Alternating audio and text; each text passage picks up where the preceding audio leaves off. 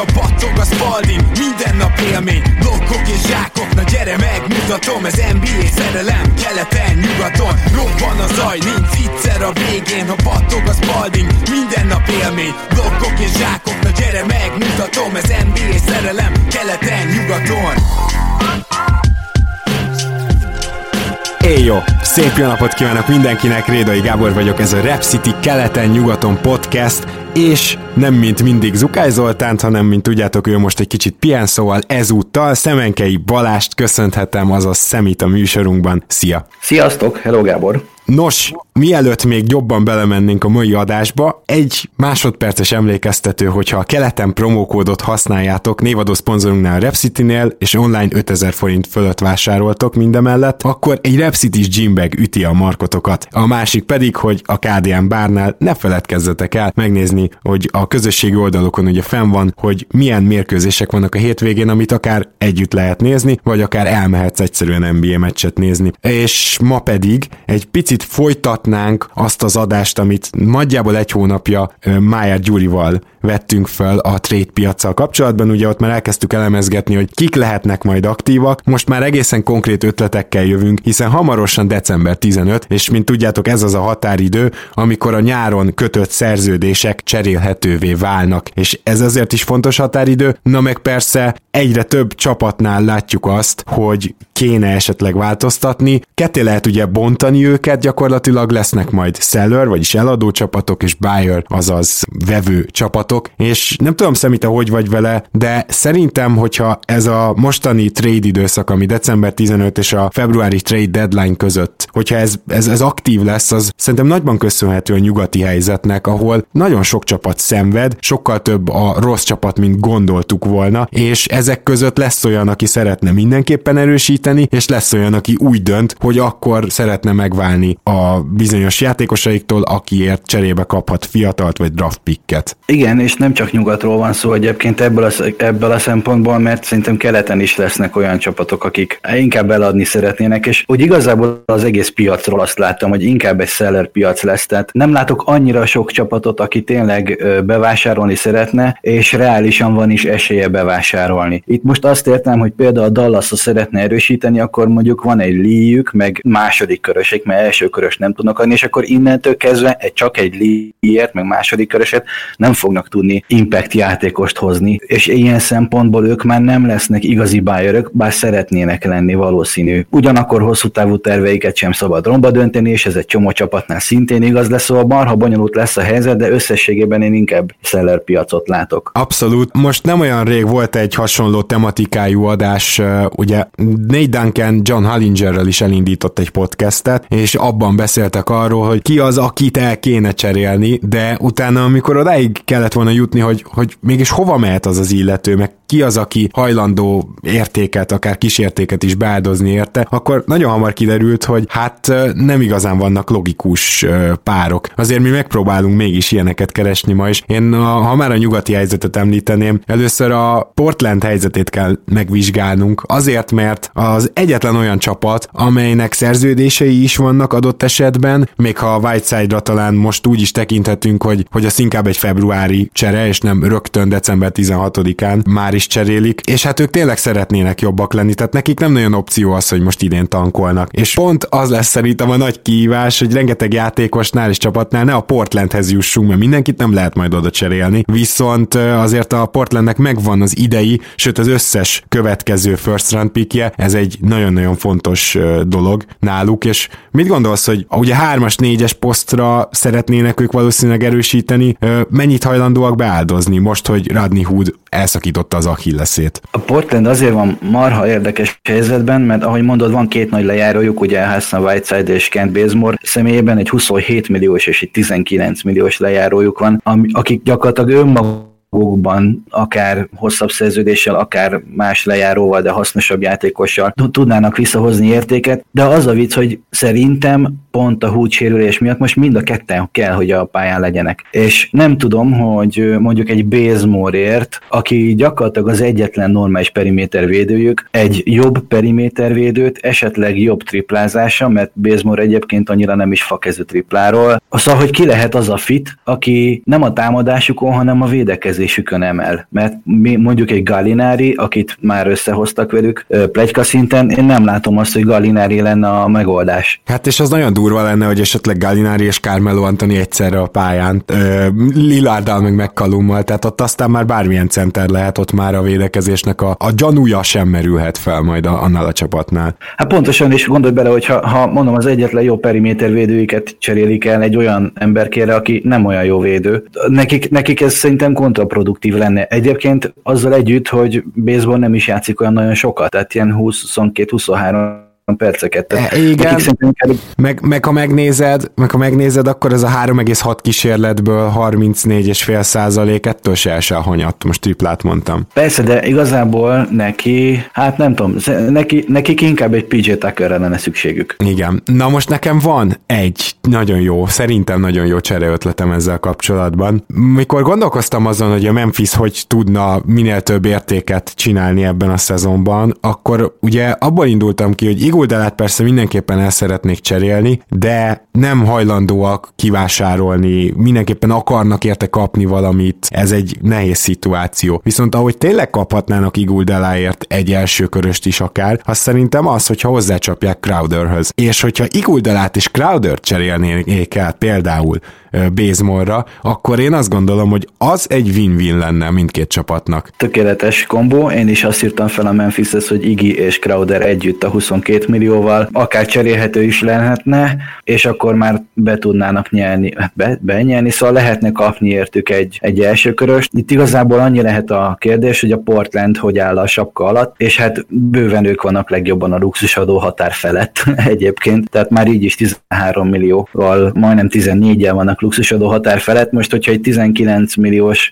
Bazemore-t elküldenek, és 22 millióért kapnak Igit meg Crowder, szóval itt azért a, a Tulának is rá kell majd bolintania, illetve lehet, hogy valahogy egy kisebb cserével, mondjuk egy Atlanta felé valakit elküldeni. Uh-huh, uh-huh. Szóval itt, itt a Portlandnek az is baj, hogy ennyire sok luxusadót fognak fizetni. Ez a 13, majdnem 14 millió, ugye 5 milliós határok vannak a luxusadóban, ez nem 13-14, hanem ez már egy ilyen, inkább egy, egy ilyen 20-25 közötti luxusadót jelent, csak luxusadóban. Úgyhogy ha itt ezt még megdobják, akkor azért az már nagyon meredek tud lenni. Éppen ezért, mert én is végig gondoltam mindezt, egy alternatív megoldásom is van. Mi van akkor, hogyha Hassan Whiteside-ot cserélik el, és visszafele pedig az egyik wing jön, mondjuk akkor már inkább Crowder, Jonas Valanciunasszal. Én azt gondolom, hogy ez egy vállalható sőt abszolút vállalható csere lenne szintén Portlandi részről. Az mondjuk problémásabb nyilván, hogy Valanciunasnak még három évig van szerződése, és akkor Nurkic őket nem lehet egyszerre a pályán tartani. Ugyanakkor Valanciunas szerződése nem olyan irgalmatlan nagy, hogy, hogy azt mondta, hogy egy, ne lehetne tovább cserélni, kettő, ne lehetne a padról kiválóan használni. Hát ez nyilván ez se tökéletes megoldás, de így meg maradna Bazemore és mellé Crowder, arra viszont azt mondom, hogy az már egy jól védekező,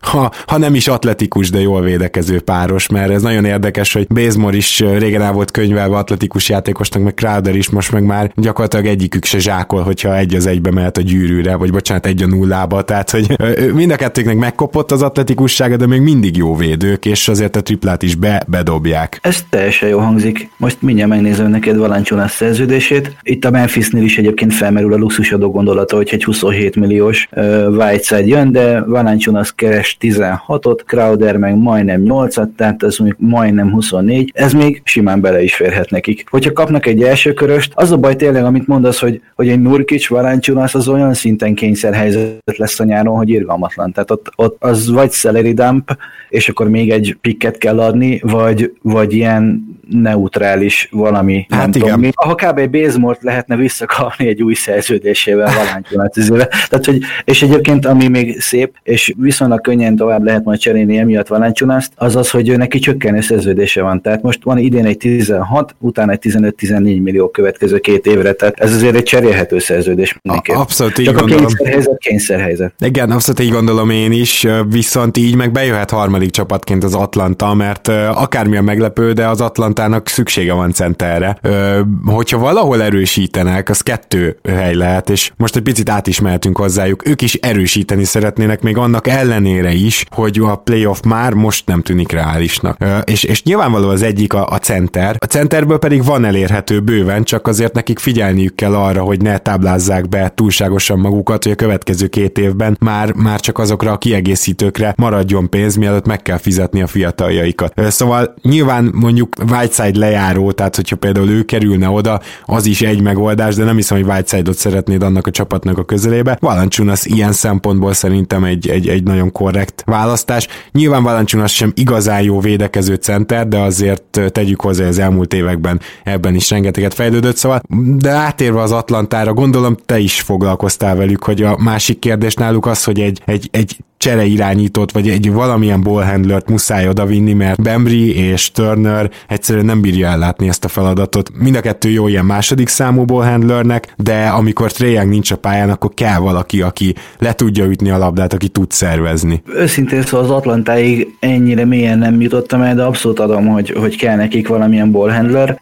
Viszont hogyha ha kicsit csavarhatok a, a gondolatmeneten, akkor egy Hassan Whiteside to Memphis, Valanciunas to Atlanta, és az Atlantából valaki mehetne mondjuk valamilyen wing még Portlandbe, tehát lehetne egy ilyen hármast, hogy egyébként a Memphisből ugye megy Crowder mondjuk mm. Portlandbe. Tehát akkor Crab és valószínűleg a Ellen Krab lesz az, aki valószínűleg Igen, megy. igen vagy Ellen Krab, vagy Evan Turner, és akkor innentől kezdve visítva röhögök, hogy ez az a két szerződés, amik miatt is volt olyan cap hellben a Portland, amilyenben egyébként most van. Igen. És akkor a lejáróként lehet, hogy vissza is mehetnének, és lehet, hogy még segítség is lennének. Um, hát igen, tulajdonképpen, tehát hogy a Turner a védekezésével minimum segítség lenne, most ezt így um, Pontosan, egyébként én is inkább őt vinném, mint Krabbet. Igen.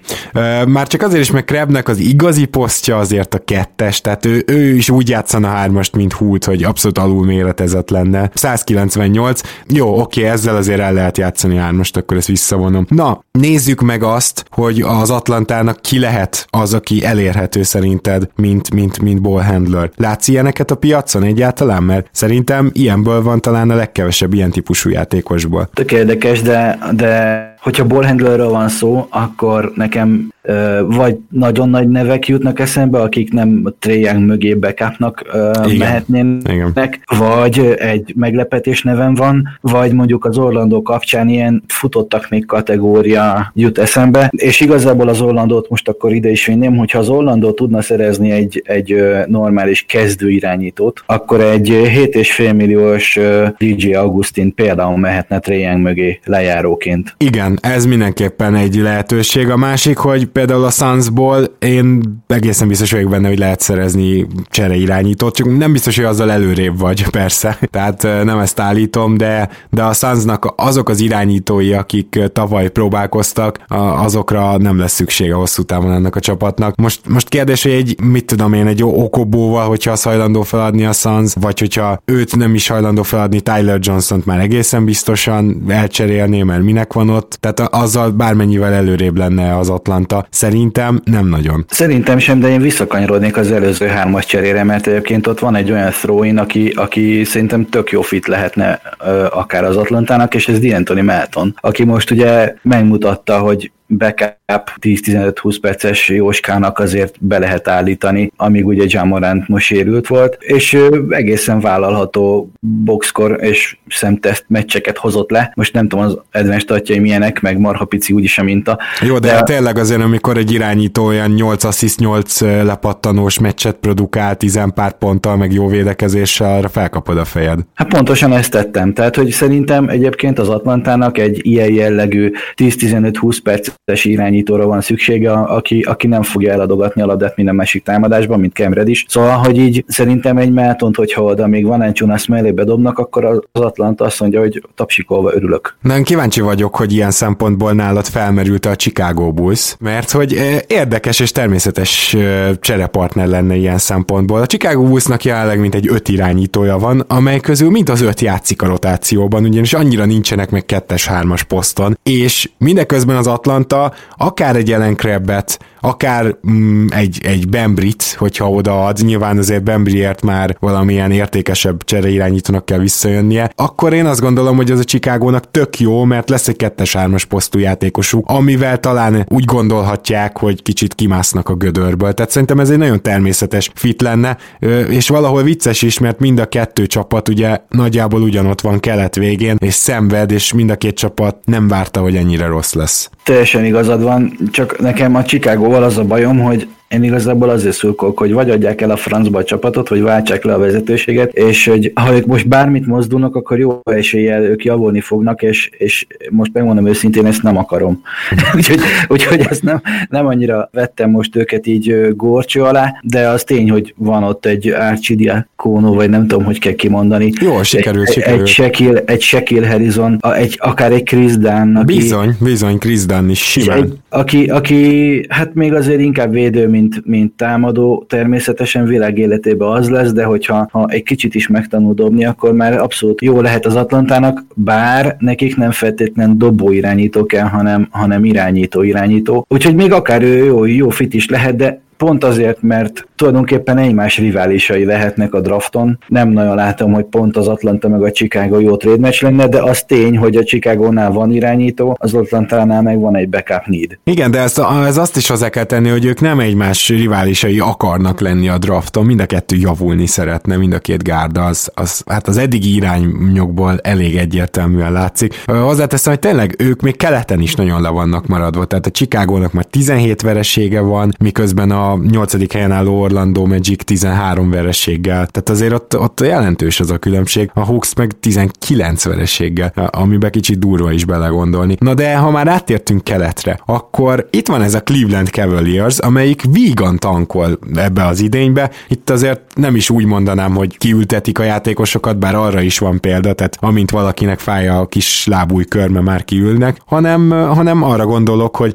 hát ez a csapat ez pontosan annyira rossz, amennyire kell ahhoz, hogy, hogy ott legyen keletnek a végén. És még rosszabb lehet, és már miért ne használnák ki ezt az ittszert? Éppen ezért szerintem senki nem lepődött meg azon, hogy a Kevin Love plegykák elkezdtek hát szárnyalni, és véletlenül most már Kevin Love is megszólalt, hogy ő azért szeretne egy bajnok esélyhez kerülni. Kinek kell Kevin Love? Nekem van egy titkos jelöltem, de, de ki a logikus partner, mert itt már Denver, meg ilyen Dallas, meg ilyeneket hallottunk, hogy ki érdeklődik, és én szerintem annyira nem logikus se Denverbe, se Dallasba, se Portlandbe most már, hogy én nagyon nehezen találtam meg azt az egy csapatot, akit kijelöltem. Én is azt gondoltam át, hogy igazából hova miért nem. Tehát az, hogy Love kijelenti, hogy ő szeretne Clevelandben maradni, aztán szeretne bajnok esélyeshez kerülni, aztán szeretne Portlandbe kerülni, ez igazából eléggé beszűkítette, hogy hova lehetne értéket cserélni, ahol ő boldog lenne, meg, meg tényleg szeretne lenni, de reálisan a Portlandnek nem egy Love kell, mert ugye amit megbeszéltünk már Gallinari kapcsán, hogy az a védekezés, amit Gallinari tud, meg amire a Portlandnek szüksége van, az mondjuk tök szöges ellentétek, és Láv meg a Galló védekezése között azért túl nagy különbség nincsen, hogyha finoman akarok fogalmazni.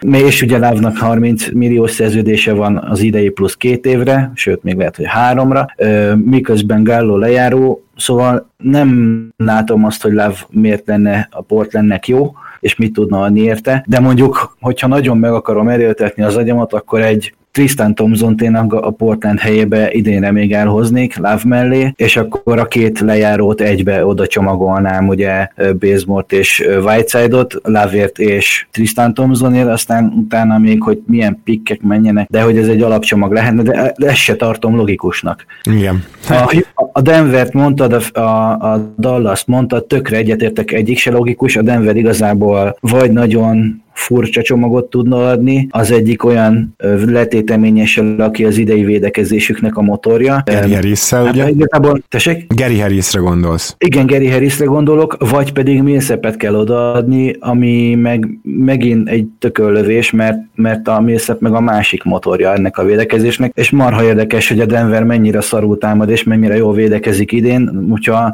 a, a két láb közül az egyik béna, a másikat meg nem akarod levágni, szóval nem, Igen. Nem logikus a Denver se. A Phoenix lehetne még érdekes egyébként, szerintem egy láv témában, egy Tyler Johnson lejáró 20 milliós kiindulási alappal. Na jó, jó, csak akkor most gyakorlatilag Love Aiton mellett játszik, tehát, az, tehát a Sunsnak azért van esélye jelen pillanatban a playoffra, most playoff helyen is állnak itt a felvétel pillanatában, mert liga közepe szerűen védekeznek, ugye ezt beszéltük most nemrég Agárdi Lacival az Overreactionben. Hát én azt gondolom, hogy Saric négyesben is simán jobb védő, mint Love.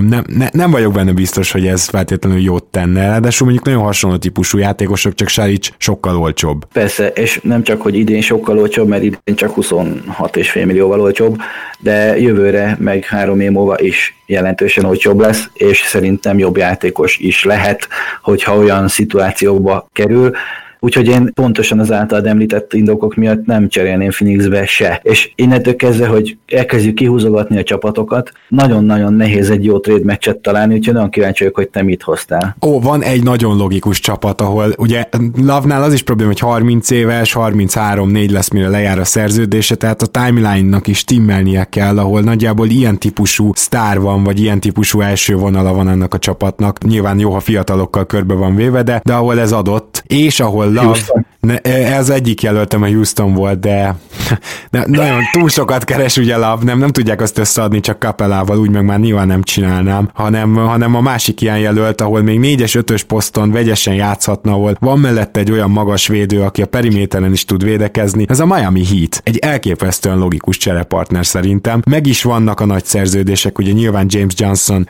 lenne az alap, de hogyha megnézed, hogy gyakorlatilag a kezdőnek a gyenge pontja az jelenleg Meyers Leonard, viszonylag gyenge pontja, egyébként csak egy ilyen névleges kezdőről beszélünk, hogyha különösebb értékek feláldozása nélkül nyilván first round picket majd be kell dobni, a Miami Heat meg tudná szerezni Kevin Lavot arra a pozícióra, és ezt tudjuk, hogy a Miami Heat egy elit védekező csapat, amelyik egyelőre támadásban sem rossz, hogyha Love ezt meg tudja emelni, hogyha még jobban fognak lepattanózni vele, akkor szerintem egyből belép a contenderek közé a Heat, mert annyira logikus fitnek tartom. Mara érdekes, csak a Heatnél meg az a baj, hogy ők meg a hardcap szórakoznak. Tehát a, ők is kevesebb szerződést nem küldhetnek ki, mint amit befogadnak, úgyhogy itt azért ez is egy érdekes tétel lehet, illetve mindjárt megnézem, hogy a Cleveland hogy áll a fizukkal, de ők is igazából luxusadók közelben vannak, ha nem fizetnek egyáltalán mindjárt odaérek a Miamihoz. Kérlek mert szépen, igen. Piket, piket kell adni, és nekik meg ugye vannak. Tehát a 21-es védetlen első körösük az már legalább 6 csapatnál járt, és a 23-as is el van cserélve, és ráadásul három évig védett. Szóval akkor gyakorlatilag ilyen 26-os pikket tudnának adni, vagy 27-est? 27-est hát, még nem is adhatnak idén. Igen, 27-est meg még nem is adhatnak, tehát hogy ők most első körös nem tudnak. Az viszont hát, problémás. Ez, ez egy elég nagy probléma, és akkor mondom a második köröseiket, a 2020-ast elcserélték, a 21-est elcserélték, a 22-est elcserélték. Igaz, hogy ott kapnak, de azt el is cserélték. A 2023-ast kaptak is, de el is cserélték. és a 2024-es akkor van náluk, hogyha 31-től 50-ig van, tehát a 2025-ös és 26-os második köröség szabadok. Igen, tehát ez akkor azt jelenti, hogy egy fiatal tehetséget be kellene áldozni lavért, legalább. Vagy fiatal tehetséget, vagy Egyébként ebből most pont jól állnak, mert hogy ugye Nan is fel, felmerül. Igen, csak Nannak a posztja ugye az egyes kettes, az, az most nem fog összejönni így. Winslow-t meg nem látom, hogy beadják ebbe. Hát figyelj, hogyha Johnson, Winslow csomagért meg lehet szerezni, szerezni lavot, és még mondjuk egy Meyers Lenardot belesoznak, és kapnak vissza valamilyen tölteléket, Aha. vagy, mert akkor ugye Fizutól is megszabadulnak, mert ugye Winslow meg Johnson, Winslow 13 flat, tehát hogy az, az még kevés. Ott, ott még valami, valami, vagy egy kis szerződés bele kell tolni, hogy Love fizújának egy kicsit fölé menjenek, vagy egy nagyot, mint egy Meyers Lenát, hogy legalább akkor a lávnak a pozíciója és meg legyen a kezdőben, nehogy a Lenát kiszorítsa. Nehéz, szóval... nagyon, nagyon nehéz összehozni ezt a cserét, még Winslow-val is. Igen. Igen, a Miami-val pont ezért rohadt nehéz, mert annyira közel vannak a luxusadó határhoz, és akkor az előbb fenyegettelek, hogy megnézem, de akkor most meg is nézem. Jó, hát én, én meg csak annyit mondanék, hogy találtam egy olyan cserét, hogy James Johnson, Justice Winslow, Meyers Leonard, Kevin Lavier és John Hansonért, ez 39 és 38 millió, tehát majdnem ugyanott vannak. Ez így biztosan átmenne. Kérdés azt mondom, hogy Winslow-t beáldozná a hit. Igen, ez azért, ez azért mehetne át, mert a hitnek körülbelül 2,8 millió dollár van még a, a, a hard cap alatt. Nem a luxus adó, a hard cap alatt, és ugye ez a nehézség. Ugyanez a sztori már az, hogy egy milliót be kell nyerni, az még a Golden State-nél már nem menne el. Igen, uh, igen, igen. Ugye már egyszer elmagyaráztuk a Golden State-tel kapcsolatban, csak még egyszer emlékeztető a kedves hallgatóknak. Az a hard cap dolog, ez úgy néz ki, hogy nagyjából 5-6 millióval van a luxusadó fölött egy apron nevezetű határ, amelyet bizonyos körülmények között nem léphetsz át. Rengeteg rengeteg ilyen van, de például, hogyha sign and trade üzletet kötsz, az, az ugye az egyik. Egyáltalán, hogyha mondjuk felhasználod azt az MLA-t, a nagy, nagy mid-level exception amelyiket akkor használhatsz, hogyha a sapka fölött, de luxusadó határ alatt vagy. Ha ezt felhasználtad, akkor abban az évben már nem, lehetsz, nem mehetsz szintén az apron fölé. Tehát vannak ilyen szabályok, amikor ezt nem lépheted át, és ennek az áldozata a Golden State Warriors, és ugyanígy nem lépheti át a Miami Heat sem. És egyébként a liga felesem, de ez egy ilyen Dodó podcast zárójel. Inkább, szóval Szóval a Miami-val pont ezért maromi nehéz összeütni egy ilyen cserét, de ez a Love plus Hands-on for Leonard Winslow és James Johnson, ez, ez egy potenciális jó ötlet lehet, és az a vicc, hogy szerintem az, hogy Lenárd személyében kapnak lejáró szerződést, tehát könnyítenek a fizetési sapkájukon 2021-el. James Johnsonnal mondjuk annyira nem könnyítenek, de rövidebb ő is, mint Love, tehát azért... Abszolút. A, illetve, illetve kapnak egy Winslow-t, aki meg, aki meg pontosan azt a ball handlinget tudja majd szolgáltatni, vagy tudná szolgáltatni, ami az inkább Gunner két fiatal irányítójukra nem vagy annyira jellemző, igen. jó lenne. Meg a védekezést, mert mert azért eh, nem tudom, emlékeznek a kedves hallgatók, eh, hogy azért én úgy bemondogattam a szezon előtt, hogy a Washington az minden idők legrosszabb védekezését hozza idén, de versenyben lesz a Kevzel. És ugye a Kevz sokkal jobban kezdett védekezésben, de aztán az elmúlt három hétben már, már a Kevz a, a saját potenciájának megfelelően védekezik, eh, és nagyon durván süllyed, tehát azért az, hogy jobban kezdtek, az nem jelenti azt, hogy, hogy nem kell nekik védekezésben segítség ahhoz, hogy hosszú távon jobbak legyenek. Én imádom, hogy ilyen diplomatikusan megbírod fogalmazni, szarok, de igen, az utolsó három hét az egyenesen katasztrofális volt már náluk, úgyhogy Winslow védekezése abszolút jó jön oda. A kérdés tényleg az az, hogy, hogy Lávnak valójában ennyi a csereértéke, hogy egy Winslow meg némi cap, relief, van-e jobb játékos, mint Winslow, megszerezhető Lavért, vagy van-e nagyobb cap relief, ami mondjuk egy Winslownál rosszabb játékos mellett mondjuk megszerezhető.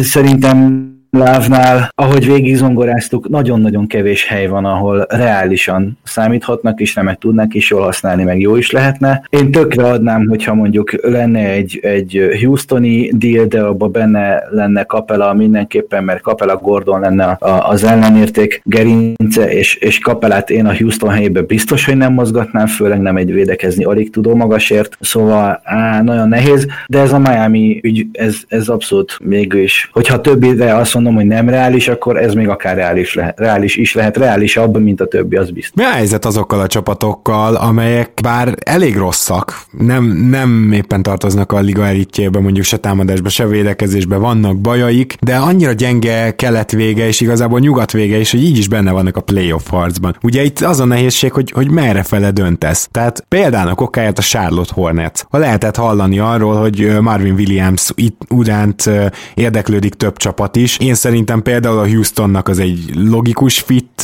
lenne, nyilván ahol kell egy ilyen tripladobó négyes, aki valamennyire azért védekezni is tud, hát ez elég sok csapatnak kell, még, még a jók közül is. Azt gondolom, hogy sokan rámehetnek egy, egy Marvin barátunkra. És azért a Hornetsnek is el kell az döntenie, hogy hát jelen pillanatban, mindjárt mondok neked pontos számot, másfél meccsel vannak lemaradva a playoff helyről. Tehát, hogyha ők komolyan gondolják azt, hogy esetleg playoffba juthatnak, ahhoz viszont kelleni fog Marvin, az meggyőződés és nem még ha csak a padról is. Igen, én a charlotte nem látom, hogy most ők eladók vagy vevők akarnak lenni, mert hogyha ha, ha playoffért akarnak menni, akkor ahogy mondod, nem feltétlen Williamson kéne továbbadni, vagy túladni, hogyha meg eladók akarnak lenni, akkor tényleg neki kell az elsőnek lenni, aki távozik, mert ugye 15 milliós lejáró, őt a legkönnyebb elpasszolni, Batumot sok ebben fognak elpasszolni, de akkor meg lemondhatnak a playoffról, és ennyire közel a playoffhoz szerintem nem most ezt 15 környékén fogják ezt eldönteni, hanem inkább vagy január elején, vagy január végén a deadline előtt valamennyivel, amikor már azért jobban látszik a, az irány, hogy, hogy lefele vagy felfele mutat az a mutató. Igen, én is így gondolom. A másik az, hogy amit kommunikáltak, az viszont az, hogy szeretnének ugye erősíteni center poszton. Most ugye ez ellenre kezdték a, az idényt, egyébként nem játszik rosszul például Cody Zeller. Nyilván nem az a kategóriájú center, akire ők nagyon vágynak, de, de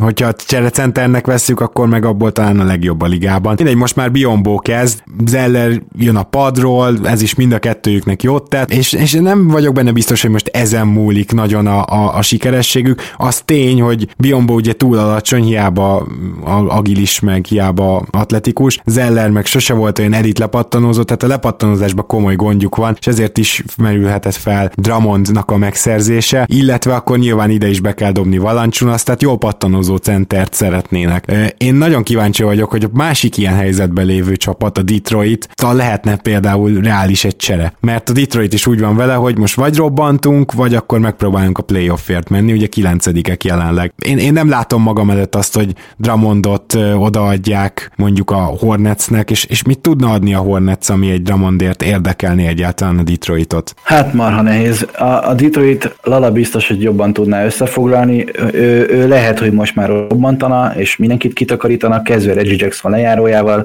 második lépésként, vagy akár első lépésként Dramondal, azt tudjuk, hogy Griffin ugye mozdíthatatlan ezzel a szerződéssel, bár ezt még a Clippers-es időben is mondtuk, amikor megkapta a szerződést, hogy hát ez egy cserélhetetlen darab lesz, aztán mégse. Én nem tudom, hogy ha Drummond el akar menni, akkor el kell cserélni, de a Drummond nem mondja, hogy el akar menni.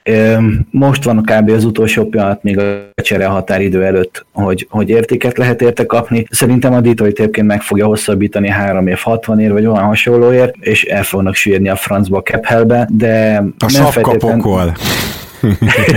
nem feltétlenül a, a Drummondon fog múlni, hanem szerintem inkább az, hogy Reggie Jackson mit lehet kapni, és akkor egyébként ide az Iggy plus Crowder for lejáró Reggie Jackson 18 millió plusz egy elsőkörös uh, szintén bedobnám a köztudatba. Az Iggy plus Crowder ez elég sok csapatnak segítene, csak éppen, hogyha Igodalának van beleszólás, hogy hova megy, akkor biztos ide a bököt, hogy a Detroit nincsen a listáján. Hát igen, igen, ezzel én is gondolkoztam, és most akkor menjünk át egy olyan csapathoz nyugatra, amelyik inkább, sőt mindenféleképpen erősíteni szeretne. És, és nem tudom mennyire nyomkodják majd a pánikgombot a jazznél, mert ami a legnehezebb ezzel a csapattal kapcsolatban, az szerintem az, hogy azonosítsuk, hogy mi is a probléma. Egyrészt a rohadt erős, nehéz sorsolás. És nyilván ezt nem szabad túlreagálni, még akkor is, hogyha most egy komoly visszacsúszás produkált a jutak. Ami a statisztikákat illeti, nemrég beszéltünk róluk, hogy ami meglepő velük kapcsolatban, hogy mennyire nem tudnak támadni. Annak ellenére, hogy Bogdanovics meg jól is játszik. Nyilván mondhatod, igen, Kálli nem játszik olyan jól. Igen, Ingles egyébként most kezdi összeszedni magát Joe Ingles. De akkor is, hát most akár honnan nézi az ember,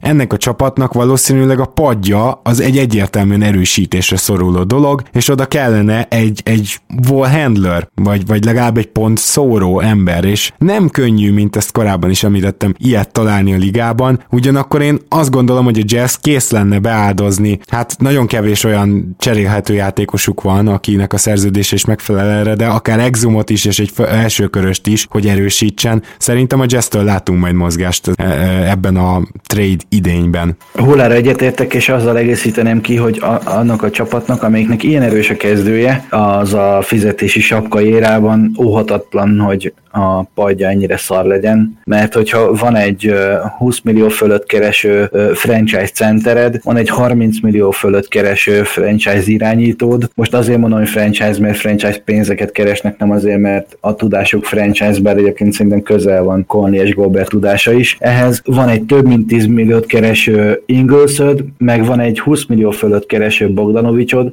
akkor rohadt mákod van, hogy a csapatod legjobb játékosának várt Donovan Mitchell még az olyan szerződésén van, és pont akkor kell majd nagy, neki, nagy pénzt adni neki, amikor Conley egyébként lejár, tehát igazából ez is benne volt a nyári Conley cserébe, de hogy ilyenkor a padod az óhatatlanul ilyen minimumos, meg ilyen tessék futottak még kategóriából fog összejönni, és nem minden évben fogsz tudni egy Ed Davis-t bemákolni. Igen, tehát gyakorlatilag arról van szó, hogy hét emberes a rotációjuk, mert Royce O'Neal és Ed Davis az, aki érdemben tényleg hozzá tud tenni ez a csapathoz, még az felsorolt öt emberen kívül. Én azt gondolom, hogy még Moody és Exum még, még együtt sem, tehát hogy, hogy az igen, és, nehéz. Igen, és Royce O'Neal is minimumot keres, tehát hogy az a vicc, hogy, hogy még itt is van egy olyan bargain player, egy olyan nagyon olcsó és az árérték arányában a csapat egyik legjobbja.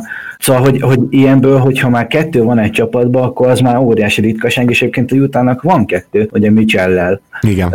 meg vele. Ha, ha még ezek után még mondjuk tudnának, mondjuk egy Moody ugye szintén minimumot keres, hogyha egy kicsit jobb lenne, az már sokat segítene, és amit mondtál, az mind igaz, hogy sérültek, meg lassan indultak, meg, meg nagyon nehéz volt a sorsolás, meg hagyományosan lassan indulnak, és nem szabad túlreagálni. Én azt is ide venném, hogy Conley világ életében lassan játszott, az egyik leglassabb csapatban egy évtizeden keresztül, grit and grind, rohadtul nem rohantak, a Utah meg igazából még az is lehet, hogy szeretne rohanni, az biztos, hogy gyorsabbak, mint a Memphis, és ez is egy olyan dolog, amit meg kell szokni. Plusz az, amit mondtál, hogy Ingles szarul kezdett, mert lerakták a padra, és most az utóbbi néhány meccsen, hogy visszakerült a kezdőbe, kezdi megtalálni önmagát, Igaz, hogy most Conley nincsen, de hogy szerintem Inglesnek muszáj kezdőben lennie, mert egész egyszerűen kell még egy kreátor. Uh-huh. És, és, és ő spot up shooternek is nagyon jó, meg kreátornak is nagyon jó, és ezt nem teheted meg, hogy úgy ülteted le a padra, egy ilyen gyenge padra, mert ahhoz meg nem elég jó ingősz, hogy egyedül elvigyen egy padot. Igen, igen, bár egyébként engem azért lepett meg, mert egy Ausztrál válogatottat egyedül irányított. Nyilván azért az erősebb az a kezdő, mint ami olyan a jazz padja, de hát itt nem arról van szó, hogy sorcserékkel operál Snyder. Na mindegy, tehát én, én egy picit ilyen szempontból többet vártam tőle, de hát ki a francot lehet elhozni, aki a padra jó irányítónak. Mondjuk, hogyha Exumot és egy first round picket beraksz, és Exumba esetleg még valami apró reményt lát a másik csapat, akkor elvileg az már egy korrekt cserejátékosnak mindenképpen ki kell jönnie, de hát ki? Mert most érted, most a, a Cleveland-től mondjuk elviszed Jordan Clarkson-t, nem hiszem, hogy előrébb vagy, tehát tudjuk Clarksonnak a korlátait, hogy finoman fogalmazzak védekezésbe, és igazából támadásba is, mert egy nagyon egydimenziós, csak és kizárólag scoringra, pontszerzése koncentráló játékos. És nagyon nehéz lenne olyat találni, akire azt mondanám a Jazz helyében, igen, na ő érdemben segít rajtunk. Nekem van egy ötletem, de az a baj ott is, hogy nem logikus. és hogyha nálam az a baj, hogy, hogy mindig a, a realitást keresem elsősorban. Uh-huh. Ez nem baj tulajdonképpen. Meg persze, meg persze próbálok kreatív is lenni, de hogy messze nem tudok olyan kreatív lenni, mint mondjuk a GM játékunknak a, a, a bajnokai, akik teljesen elengedik magukat, és utána kezdik el keresni a realitást, és nem a realitás kereteik között kezdik el nézni a, a prospekteket egyik-másik tréthez. De nekem eszembe jutott a Sacramento-nál Cory Joseph, hogy ő azért lehet, hogy egy hangya izényével jobb scoring potential rendelkezik, mint Exum. Ez hasonlóan hülye a szerződése, Exumnak azt hiszem 3 év 27 millió volt, amiből Isten tudja, hogy mennyi van hátra. Mm. Ilyen évi 9 millió, Cory Josephnek meg ilyen 10-11 körül tehát ebben nagy különbség nem lenne. Hát hasonló a jó védők, eh, Joseph azért inkább van a pályán, mint Nexum, szóval lehet, hogy én rámennék, a Sacramento-nál meg, hogyha ott van egy Fox, akkor nem tudom, egy backupnak, egy, egy cserének miatt jó Istennek kell 10-12-13 milliót fizetni évente, akkor már inkább 9-et, és akkor az nyugodtan lehet Exum is. Ugyanakkor meg pont most látjuk, hogyha Fox kiesik, akkor a Joseph meg tök jól össze tudja fogni a csapatot, tehát ők meg maromira nem lesznek motiváltak, hogy elcseréljék. Ugyanakkor, hogyha kaphatnak érte egy első köröst, akkor azért az lehet, hogy elgondolkodtatja őket. De, de nem, nem látom ezt a dolgot reálisnak. Ezt lehet, hogy itt valami olcsó vész megoldás lesz a vége. Tehát amire gondolok, az például Efrit Payton, aki valószínűleg egy második körösért, meg mit tudom én, Moody-ért, vagy valami jelentéktelenebb szerződésért meg lehet kapni, ugye nem is keres olyan sokat, mint a legtöbb New Yorki, aki idén kötött szerződést, tehát az lehet egy opció. Igen, igen 8 millió, ami a Exum 9 milliójához teljesen tökéletes meccs, és nekem ő egyébként eszembe se jutott, úgyhogy respect, aki viszont eszembe jutott, és már sírt az év elején, hogy ő miért nincs még a ligában, vagy miért nincs a ligában ligában egyáltalán, az mondjuk Jamal Crawford. Ha, aki szerintem pontos, pontosan az elmebeteg scorer, aki arra a padra kell, némi ballhandlinggel, ez a minden harmadik meccsen elővesz egy 15-25 pont között valahol, a szegény ember lúvéje, és szerintem lehet, hogy nekik nem is kell ennél több. Igen, csak ő 39 éves, és azon gondolkozunk már egy ideje, hogy mikor tölti be valójában a 32-t, szóval, hogy igen, még, még, még meghazudtolja a korát, de meddig, meddig tudja ezt megtenni? Nem, nem tudom, de igen, egy, egy, egy jó ötletnek tartom én is, amit mondasz. Van, van még egy-két csapat, amiről mindenképpen beszélnénk, de előtte megkérdezem, hogy a, a, a jazzek kapcsolatosan még van megoldásod esetleg? Nem saját ötlet, hanem Baranyai Bálinti, akinek ezúton is pacsi, bocs, hogy megemlítelek, Conley for CP3. Uh-huh. És a kérdés az az, hogy erre ki, erre ki mondana nemet. És szerintem ez egy durva túlreagálás lenne egyébként a Juta részéről, azon felül, hogy hogy ahogy említettem, Conley szerződése és Mitchell szerződése pont egybevág, és Chris Paul szerződése meg pont egy évvel hosszabb, és pont 44 millióval nagyobb az az év, mint ami Conley éve, és ott azért az nagyon-nagyon fájna a jutának, de hogyha Conley ebben a rendszerben ennyire nem működik, akkor annak lehet, hogy strukturális okai vannak, és CP3, tehát Chris Paul meg, meg gyakorlatilag bármilyen struktúrában világklasszis tud még mindig lenni, és pont nem kéne akkora szerepet vállalnia, hogy ő vigye el a csapatot, mert itt lennének még rajta kívül mindenféle betűjű dogok, akik el tudnák vinni a csapatot, szerintem tök jó lenne ide. Paul a pályán, a sapka alatt már sokkal kevésbé. Az pedig teljesen egyértelmű, hogy az Oklahoma, hogyha egy évet le tud faragni Chris Paul szerződéséből, akkor még pikket is ad. Igen, igen, itt nyilvánvaló, hogy az Oklahoma-nak ezzel még, még, még valamilyen pikket kell adnia, nyilván nem a, a legszaftosabbakat a készletből, mert van náluk készletem bőven. Én, én a jazz vezetőségét nem látom, hogy bevállalja a teljesen biztos luxusadót a következő két-három évre ezzel a, ezzel a move-val. Egyébként logikusnak logikus, de de ez megint olyan lesz, hogy a legutolsó pillanatig kivárnak, hogyha Kánli cseréje egyáltalán felmerülhet, az csak is úgy, hogy február, nem tudom mennyi a trade deadline pontosan, de, de, de addig a dátumig, és tényleg az utolsó pillanatban 6 óra előtt mondjuk 5.59-kor cserélnék el, szerintem, mert egyszerűen meg kell várni, még Kánli beépül, meg kell várni, hogy e, most tényleg ez a helyzet, és ő lelassult, és vége van, vagy pedig csak meg kell szokni a rendszert, úgyhogy ez, ez biztos, hogy nem egy most véghez vihető csere lenne. Igen, és akkor gyakorlatilag le is tudjuk zárni a jutat azzal, hogy semmilyen szinten nem kell rohanniuk. Abszolút. Mindazokért, amiket elmondtunk. Igen, igen. Na akkor beszéljünk a New Orleans Pelicansről, mert hogy ők szerintem olyan szempontból vannak elképesztően érdekes helyzetben, hogy Persze maradhatnak így is, ahogy vannak, de sokkal gyengébbek, mint várták ők is, és még Zion nélkül is azt mondom. Jelen pillanatban 6-19-el állnak, és a még playoff helyen lévő Phoenix az 11-13-mal. Azért ez már egy nagyon komoly különbség. Nem látszik reálisnak egy playoff run, bár nem azt mondom, hogy lehetetlen, de főleg ahogy védekeznek, vagy inkább nem védekeznek, az alapján viszont hát nagyon problémás a dolog. És bennem az merült fel, hogy persze most Drew Holiday akar, köré akarják építeni a csapatot, de most ezt látva vajon Drew Holiday is ezt szeretné? Illetve a 20, azt hiszem 8-9 éves Drew Holiday-t most akkor lenne értelme egy tankoló idény után még használni, vagy, vagy akkor most már el kéne kezdeni inkább ilyen Atlanta utat járni, és csak a fiatalok. És őszintén szólva, én nem tartom kizártnak azt, hogy egy Drew Holiday-t elér, elérhetővé tesz, Persze csak is kizárólag nagyon megfelelő csomagért a New Orleans Pelicans. Tök érdekes, amit mondasz, én, én nem nyúlnék Holidayhez. Hogyha letették mellette a voksukat, akkor szerintem meg kell nézni őt Szajon mellett. És akkor nem szabad elcserélni egész egyszerűen, és szerintem ez a minta februárig, ugye a trade deadline-ig nem lesz elég ahhoz, hogy teljes képet látva normálisan, felelősen és értelmesen tudjanak dönteni erről a duóról. De hát akkor az a bajom ezzel, hogy akkor Rediket se cserélhet el, meg favors se, szerintem.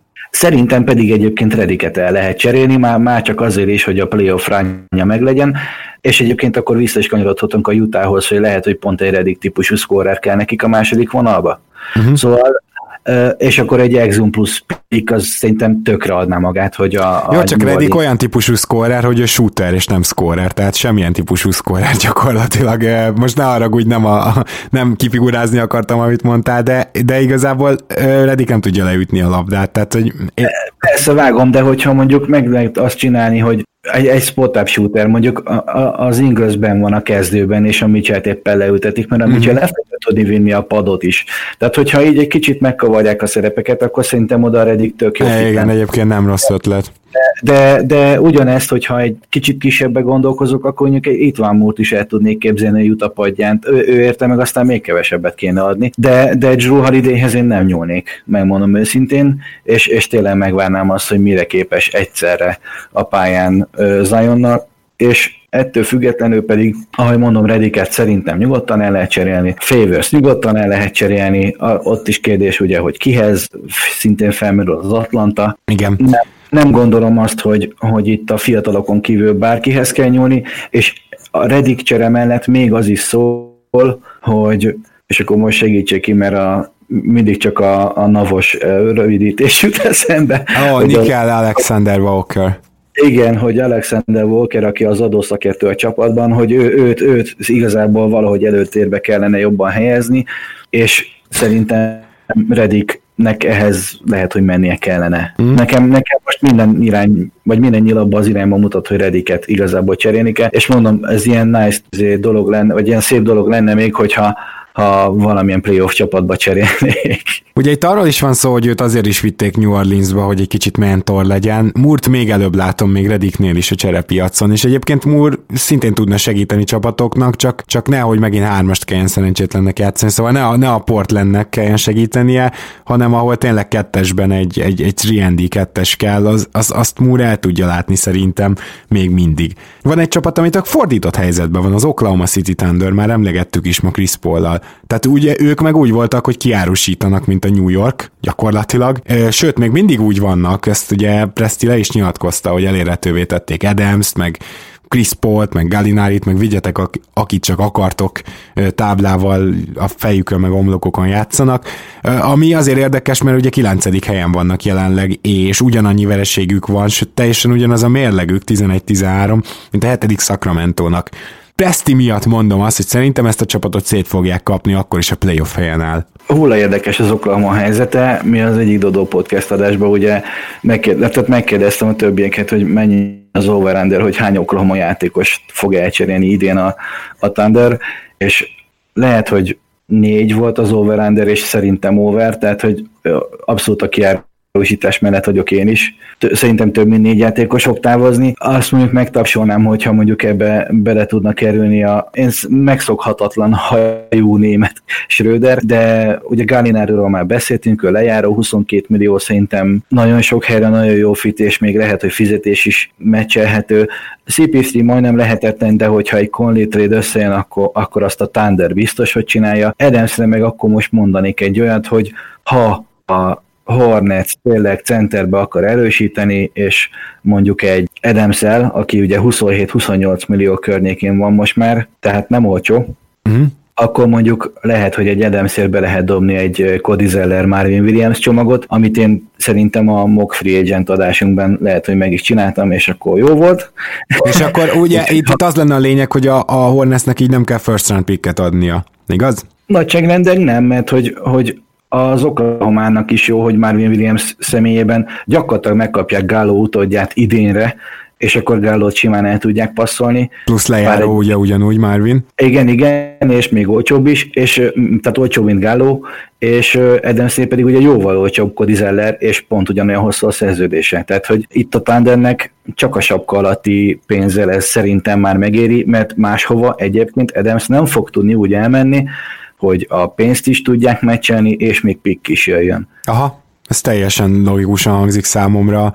Bocs, bocs, maximum azt tudom még elképzelni, hogyha teljesen ilyen, ilyen elmebeteg üzemmódba kapcsolna az Atlanta, akkor egy Turner Krebb lejáró duóért, akik már ugye 36 milliót keresnek. Igen tehát akkor még Edens mellett még át is tudnának venni még valakit a, a, a Thunderből, aki mondjuk nem Gallo és nem Schröder, szóval ö, ott, ott még valami töltelék még mehetne, de az Atlanta még egy ilyen egy ilyen sötét ló lehet ebből a szempontból, de rajtuk kívül tényleg nem látok már semmi más olyan lehetőséget, ahol Adams részben jó fit lenne, részben meg befér fizuilag. Uh, mit gondolsz arról, hogy Gallinari hova lehetne elcserélni, mert nekem van egy olyan pecsipődésem vele kapcsolatban, abszolút nem ezeket a csapatokat emlegetik, de hogy a keleti playoff vége fele, tehát Orlando, a Brooklyn és az Indiana is például szívesen fogadná szerintem Galinárit, Nyilván lejáró, és például ilyen szempontból az Indiana most biztos meg van elégedve a Warrennel, meg Lambel, meg, meg, meg nyilván négyes poszton használni akarják Szabonis, tehát ők azért nagyjából kiesnek, de a Brooklyn, meg az Orlando szerintem a segét csapkodna a földhöz, és főleg a Brooklyn. Hát a Brooklyn teljesen egyértelműen. Csak a Brooklynnál marha nehéz Kit adni, egy, igen. igen. Igen, tehát egyébként a Brooklynról majd még lenne egy fél mondatom, ami, ami ilyen kicsit dobozon kívüli gondolkodás, hogy mondani szokták. Szóval a Brooklynben lehet, hogy tök jól fit lenne uh, Gallo, de, de, de ő náluk a, a fizetés az marha necces, kivéve, hogyha bedobja, bedobják DeAndre Jordan-t. Hát igen. Én nyilván ezen a szálon indultam el én is, csak hát ne, ne, nem hiszed el, hogy ez megtörténik. Nem, mert őt nem fogják addig elcserélni, amíg, amíg Durant nem játszik, mert a Durantnak a segét ki kell nyalni, akkor is, hogyha nem játszik, meg, Igen. meg, meg hogyha országos cimbik, akkor nem fogod elcserélni az országos cimbiét, az a 10 millió egyébként lehet, hogy el is fér a sapkában. Mindegy, most, ne, most nem egyszer beszélünk, úgyis fogunk még róluk beszélni. Gáló csak szarfitek jutnak eszembe, ami, amiről már beszéltünk, hogy Portland akarja őt, és, és még szarabb lenne a védekezésük vele, mert baseball kellene érte adni. Mi szóval, gondolsz a Spursről? A Spursről egyébként az a véleményem, hogy tök jól jönne neki Gallo, de és egyébként ők lehet, hogy fizetést is össze tudnának szedni, csak akkor ilyen klub, klub legendát kell odaadni, mint Patty Mills, aki egyébként egy full telített posztra érkezne Oklahomába, és nem lejáró. Hmm, szóval... Igen, hát az amellé nyilván egy pikket be kéne adni. Mert Igen, azért ezt lenyilatkozta Presti, hogy hajlandó még, átvenni nagyobb szerződést. Ha meg még fizut is kéne adni, tehát most egy DeRozan meg nem fogsz oda adni gállóért. Pedig szerintem, ha most hallgatják a Spurs drukkerek az adást, akkor így rögtön azt mondták, hogy dehogy nem, de, de, de, bármikor. Én hát, adnám. Én adnám az Oklahoma meg lehet, hogy átvenni, és még lehet, hogy DeRozan mellé kéne piket adni, sőt, majdnem biztos, de szerintem a Spurs nem csinálná. Az nem, az nem a Spurs működési üzemmódja. Igen.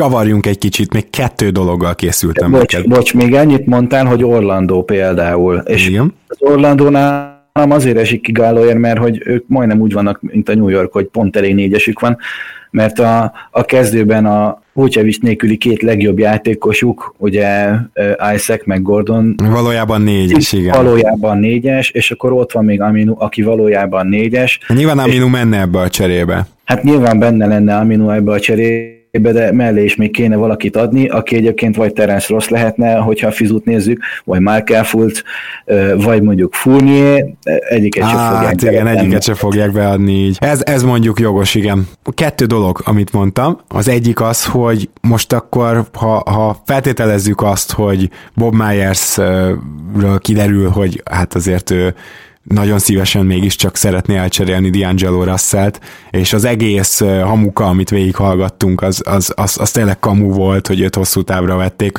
Sen, senki nem hiszi el szerintem egyébként, főleg ilyen mert most van is mire hivatkozni, hogy annyira szar a Warriors, ugye, hogy minek, minek tartanák itt D'Angelo russell Szóval, hogy igazából van logikusabb cserepartner a már agyon emlegetett Minnesota-nál. Tehát szerintem ez a csere ez annyira logikus, hogy, hogy én csodálkoznék, ha ne történne meg, és ugye azt is tudjuk, hogy Russell szívesen menne nagy haverjához, Carl Anthony Townshoz. Mi, mi, mi akadályozhatja meg ezt a cserét? Másik csapat, aki bejelentkezik, vagy, vagy mi lehet itt?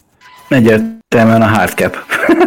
Tehát ugye, amit emlegettünk, hogy a luxusadó fölött 6 millió dollárra ott van ez az épron, hát a Golden State az fillérekkel van alatt, de tényleg filérek, tehát hogy ilyen 6000 dollár környékén számoljátok, hogy valami hasonló. Most lehet, hogy túloztam, de tényleg, tehát nagyon-nagyon közel van. Majd, hogyha 6000 ők... dollárt filléreknek gondolunk, akkor szólunk személy. Jó, igen, értem, értem. Csak így jó volt ezt így hallani, hogy fillérek mint 6000 dollár.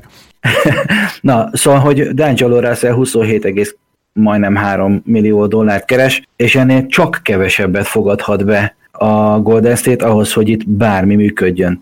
És hogyha viszont még hozzá kell tenni mondjuk egy Kevon Looney-t, amit szerintem simán meg fognak oldani, vagy bárkit be tudnak rakni. A bárki, az a Kevon Looney-t azért mondtam, mert ő az a 4,5 milliós, aki még értelmezhető pénzt keres. Uh-huh. Willi Kohlistein már 2 millió, és mindenki más 2 millió alatt van. Hát igen. Ezt, ezt úgy képzeljétek el, hogy van egy 27 milliós játékosunk, ugye Curry Thompson Green kiesik, őt nem fogják elcserélni, és hogyha mondjuk egy Tig, aki 19 millió lejáró, és Robert Covington, aki talán 11 milliót keres, vagy 10 és felett. Tehát ez kettő összesen már 30. Akkor már az Russell mellé valakit adni kell. Minimum a mondjuk egy Jordan Pult, és még valakit, vagy Kevin Looney-t. Jó, és akkor innentől kezdve az a kérdés, hogy, hogy ez kinek éri meg? Hogyha egy, egy 19 milliós tíg mellé egy, egy 10 és fél 11 milliós Covington-t oda tesz, az 30.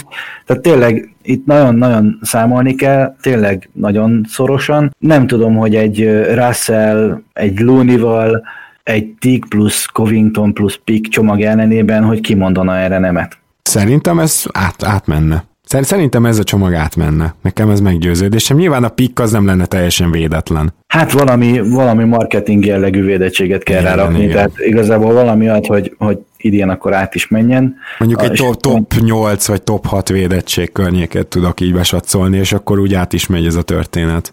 Ja, a nagyságrendekgén is. De hogy, hogy mondjuk egy hírt akartam mondani a kis védőcsábót, aki egy, egy szemében megemeli a Okoji, védekezést. Okoji. Okoji, basszus. Igen, hát ő nagyon kellene a Warriorsnak nyilván, csak...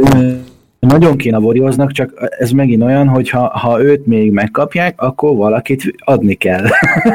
és lehet, hogy Okoji egyébként egy, egy adható érték a Minnesota szempontjából, tehát lehet, hogy a Minnesota azt mondja rá, hogy oké, okay, vigyétek, és akkor a pikken legyen jobb édettség, vagy mit tudom én, vagy másik fajta pikket adunk, de akkor a Warriors megint ott, hogy akkor megint játékost kell adni. Ami egyébként tökre nem probléma, tehát hogy ha ők Okojit akarják, akkor egy Jordan Poole simán be fognak dobni póker arccal az egészbe, vagy mondjuk még mást is. Igen. De az a lényeg, hogy igazából a Warriorsnak két, két problémája van. Egyrészt sokkal több játékos nem adhatnak, mint amennyi bejön, mert túl kicsi lesz a roster, és túl közel lesznek még mindig a hardcaphez, és megvan az a minimum roster, amivel minden nap ki kell állni, és ezt nem fogják tudni megtenni, hogy darabra többet adnak, mint amennyi bejön. Úgyhogy tényleg ez a kettő a kettőért, vagy három a háromért maximum az, amit el tudok képzelni, mert, mert ha sokkal bővebbre rakod, akkor óhatatlan, hogy vagy túl sok játékost kezd adni a, a Warriors, vagy túl nagy fizetés kezdene el bejönni, mert a Minnesota-nak meg ugye nagyobb fizetésű játékosai vannak. Igen. Szóval itt, itt annyira ki kell grammozni ezt a mérleget, hogy, hogy marha nehéz. Persze hogy egy harmadik csapat bevonása sokat segíthet, mit tudom én, egy második körössel valakit más irányba küldeni, Mindenesetre én is azt gondolom, hogy ez, ez, a, ez a történet a két csapat között ez le kell, hogy játszódjon. Nagy meglepetés lenne számomra, hogyha, hogyha nem minnesota köt neki D'Angelo Russell. És akkor egyébként akkor behoznám megint az Atlantát, nekik egyrészt van még sapka alatti helyük, tehát be tudnak fogadni olyan fizetést, ami nagyobb, mint amit kiküldenek. Mondjuk ez 3,7 millió, tehát kb. nem azt nem szoroz, mert az a sáv, amikor ennél többet kapnak. Mm. Viszont oda mondjuk egy téget tökre el tudnék képzelni, ráadásul homecoming lenne, és ugyanúgy a, a Turner vagy a Krebs szerződésbe tudják dobni, ami egyébként kisebb, mint a TG. Tehát még lehet, hogy az az 500 ezer vagy 1 millió dollár is számítana a Golden State-nek. Simán. Nekem ez teljesen logikusnak hangzik megint csak. Tehát itt, itt, itt valahogy olyan, olyan közös érdekek mentén alakulhatnak a dolgok, hogy, hogy meglepő lenne, hogyha nem jönne össze.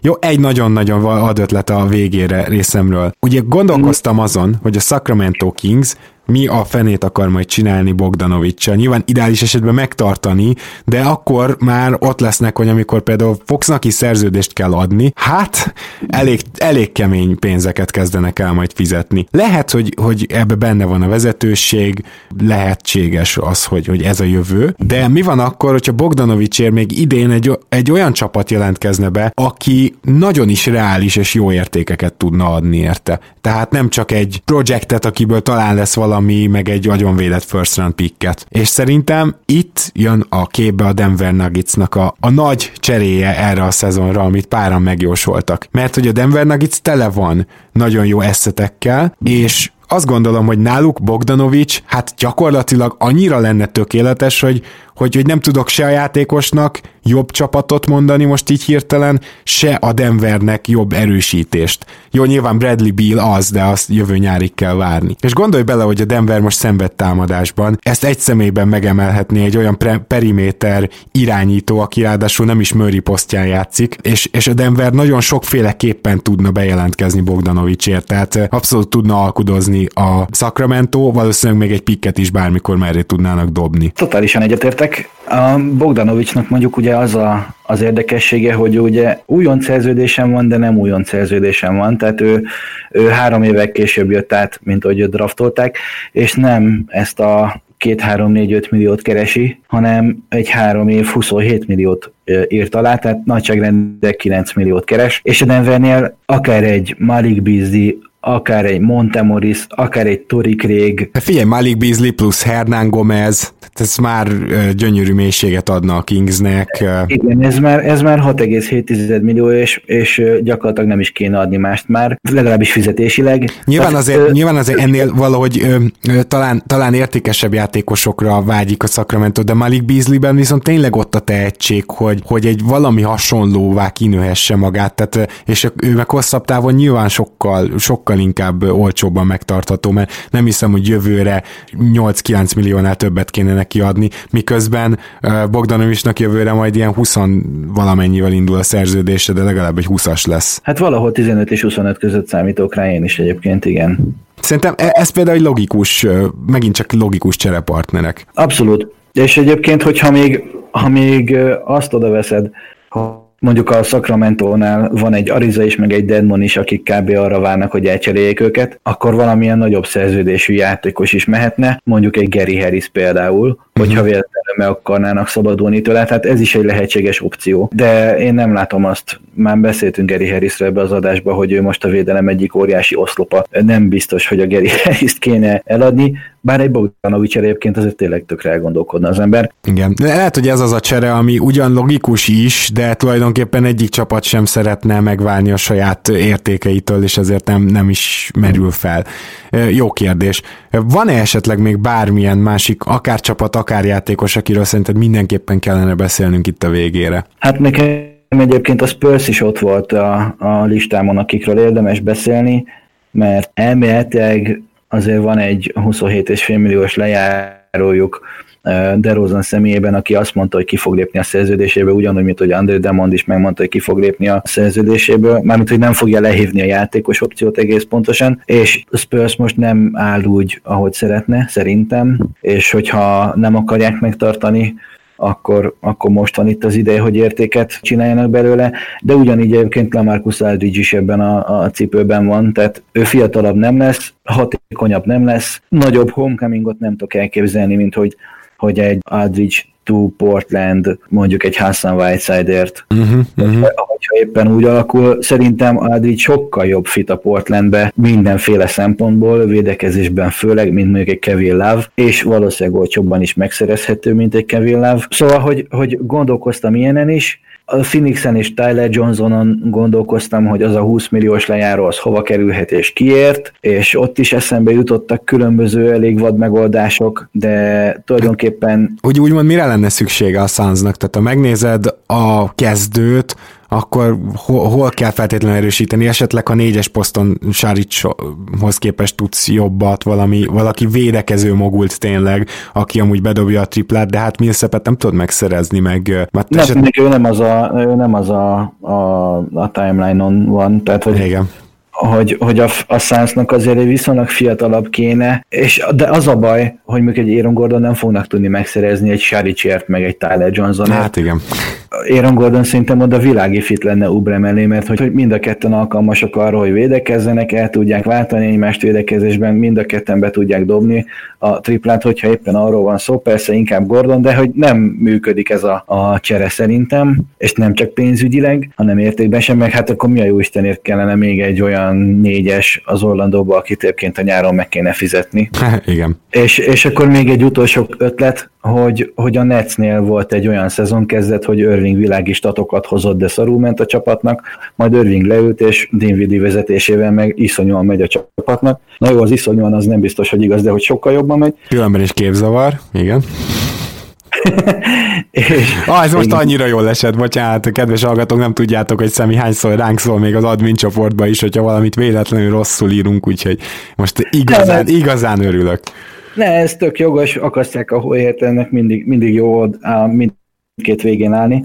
Szeretem, ha akasztanak néha. Ebben most nem menjünk bele részletesebben, úgy érzem. Főleg, főleg ha így négy szem közt vagyunk.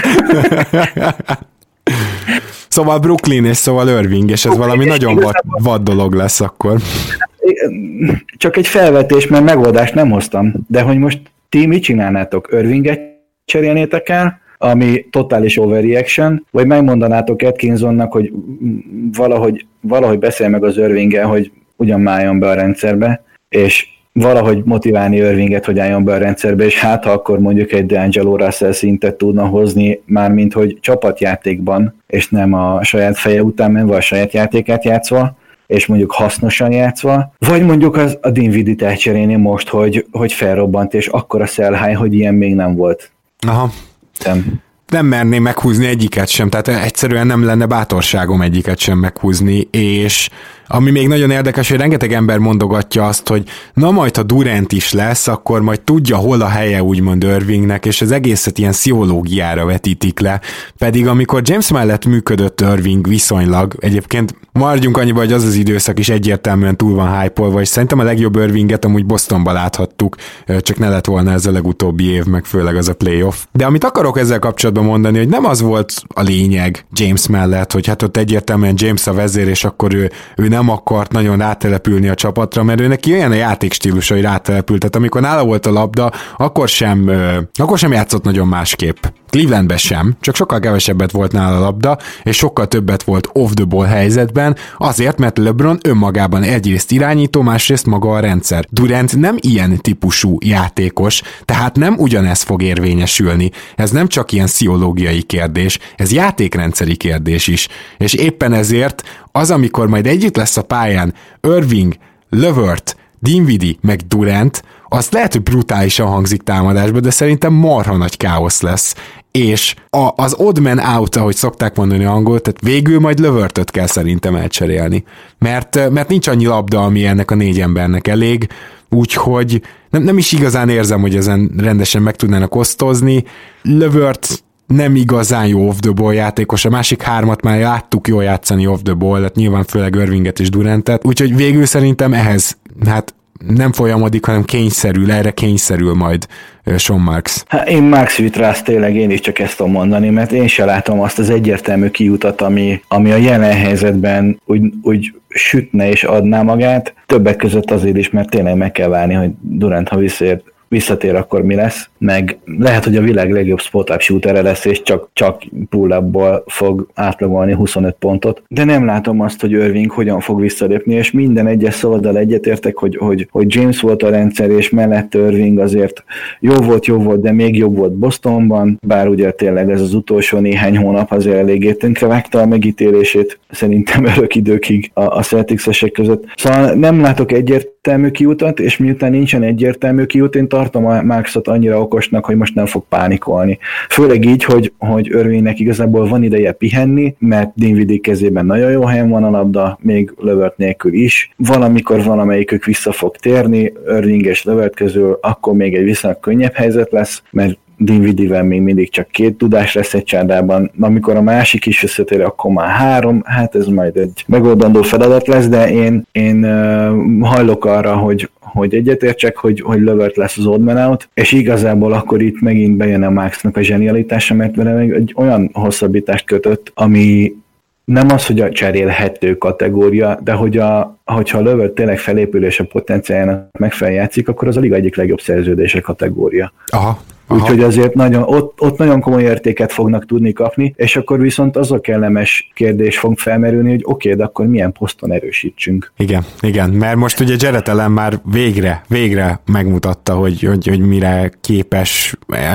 Láttam rajta, hogy folyamatosan fejlődik, nem használták, most használják. Igen. Elképesztő formában van, és akkor hova? Hát akkor nyilvánvalóan lövört helyére kell úgymond egy kettes-hármas jól védekező játékos. Jól védekező, jól triplázó. Kent Bazemore? Nem. nem. Jó van, uh, Szemi, nagyon-nagyon szépen köszönöm, hogy itt voltál, és hogyha lesznek majd tényleges cserék, akkor valószínűleg azt is értékeljük, illetve te hamarosan, egészen pontosan jövő hét csütörtök péntek táján visszatérsz a Keleten-nyugaton podcastbe, mert lesz egy következő adás is, amiben szerepelsz, erről most egyelőre ne is mondjunk többet. Nagyon szépen köszönöm, hogy ma itt voltál, és átbeszélhettük itt a cseréötleteket, illetve a csapatoknak a, a szükségleteit. Hát részemről a megtiszteltetés, mindig örömmel jövök, örülök, hogy itt lehettem, hogy egy klasszikus zolizmust is elmondhassak. Terveztem, hogy egy kicsit többet fogok tőle idézni, de, de inkább magamat adtam. Tényleg mindig nagyon, nagyon nagy örömmel jövök, és köszönöm szépen meghívást, remélem élveztétek az adást, és ezek szerint jövök még. Hát ez pontosan így van. Kedves hallgatók, nektek pedig szeretném megköszönni a figyelmet, azt is, hogy nagyon sokan támogattok minket Patreonon. Ugye ez egy olyan dolog, hogy akinek van kedve, aki akar, aki úgy érzi, hogy, hogy megérdemeljük a támogatását, az támogathat havi egy dollárral már akár. Patreon.com per keleten nyugaton, illetőleg ne felejtsétek, főleg az újabb hallgatóinknak mondom, hogy megtaláltok minket egy csomó helyen, Facebookon, ugye Soundcloudon, YouTube-on, Spotify-on, és biztos kiadtam valamit, úgyhogy mindenképpen keressetek meg ott, lehet akár visszajelzéseket írni, és hamarosan jelentkezünk, jövő héten is, ha minden igaz, két adás lesz, úgyhogy addig is minden jót kívánok nektek, sziasztok! Sziasztok!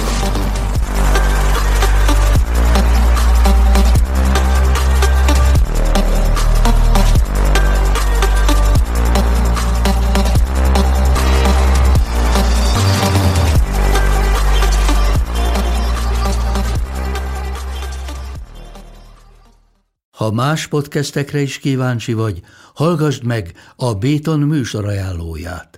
El tudod képzelni, hogy a podcastet, amit éppen most hallgattál, fél év múlva már a mesterséges intelligencia generálja? Mi sem. De ha érdekel, eljött már a gépek lázadása. Hallgass bele az Embertelen podcastbe. Orsós Lajos vagyok, a műsor házigazdája. Egyelőre még élőben. Egyelőre. Fedezzük fel együtt, hogyan ismerkedik, randizik, mesél és vitatkozik Betty és Péter, két teljesen mesterséges intelligencia. Lajos, a podcast címét mond még egyszer, Léci. Oké. Okay. Embertelen podcast.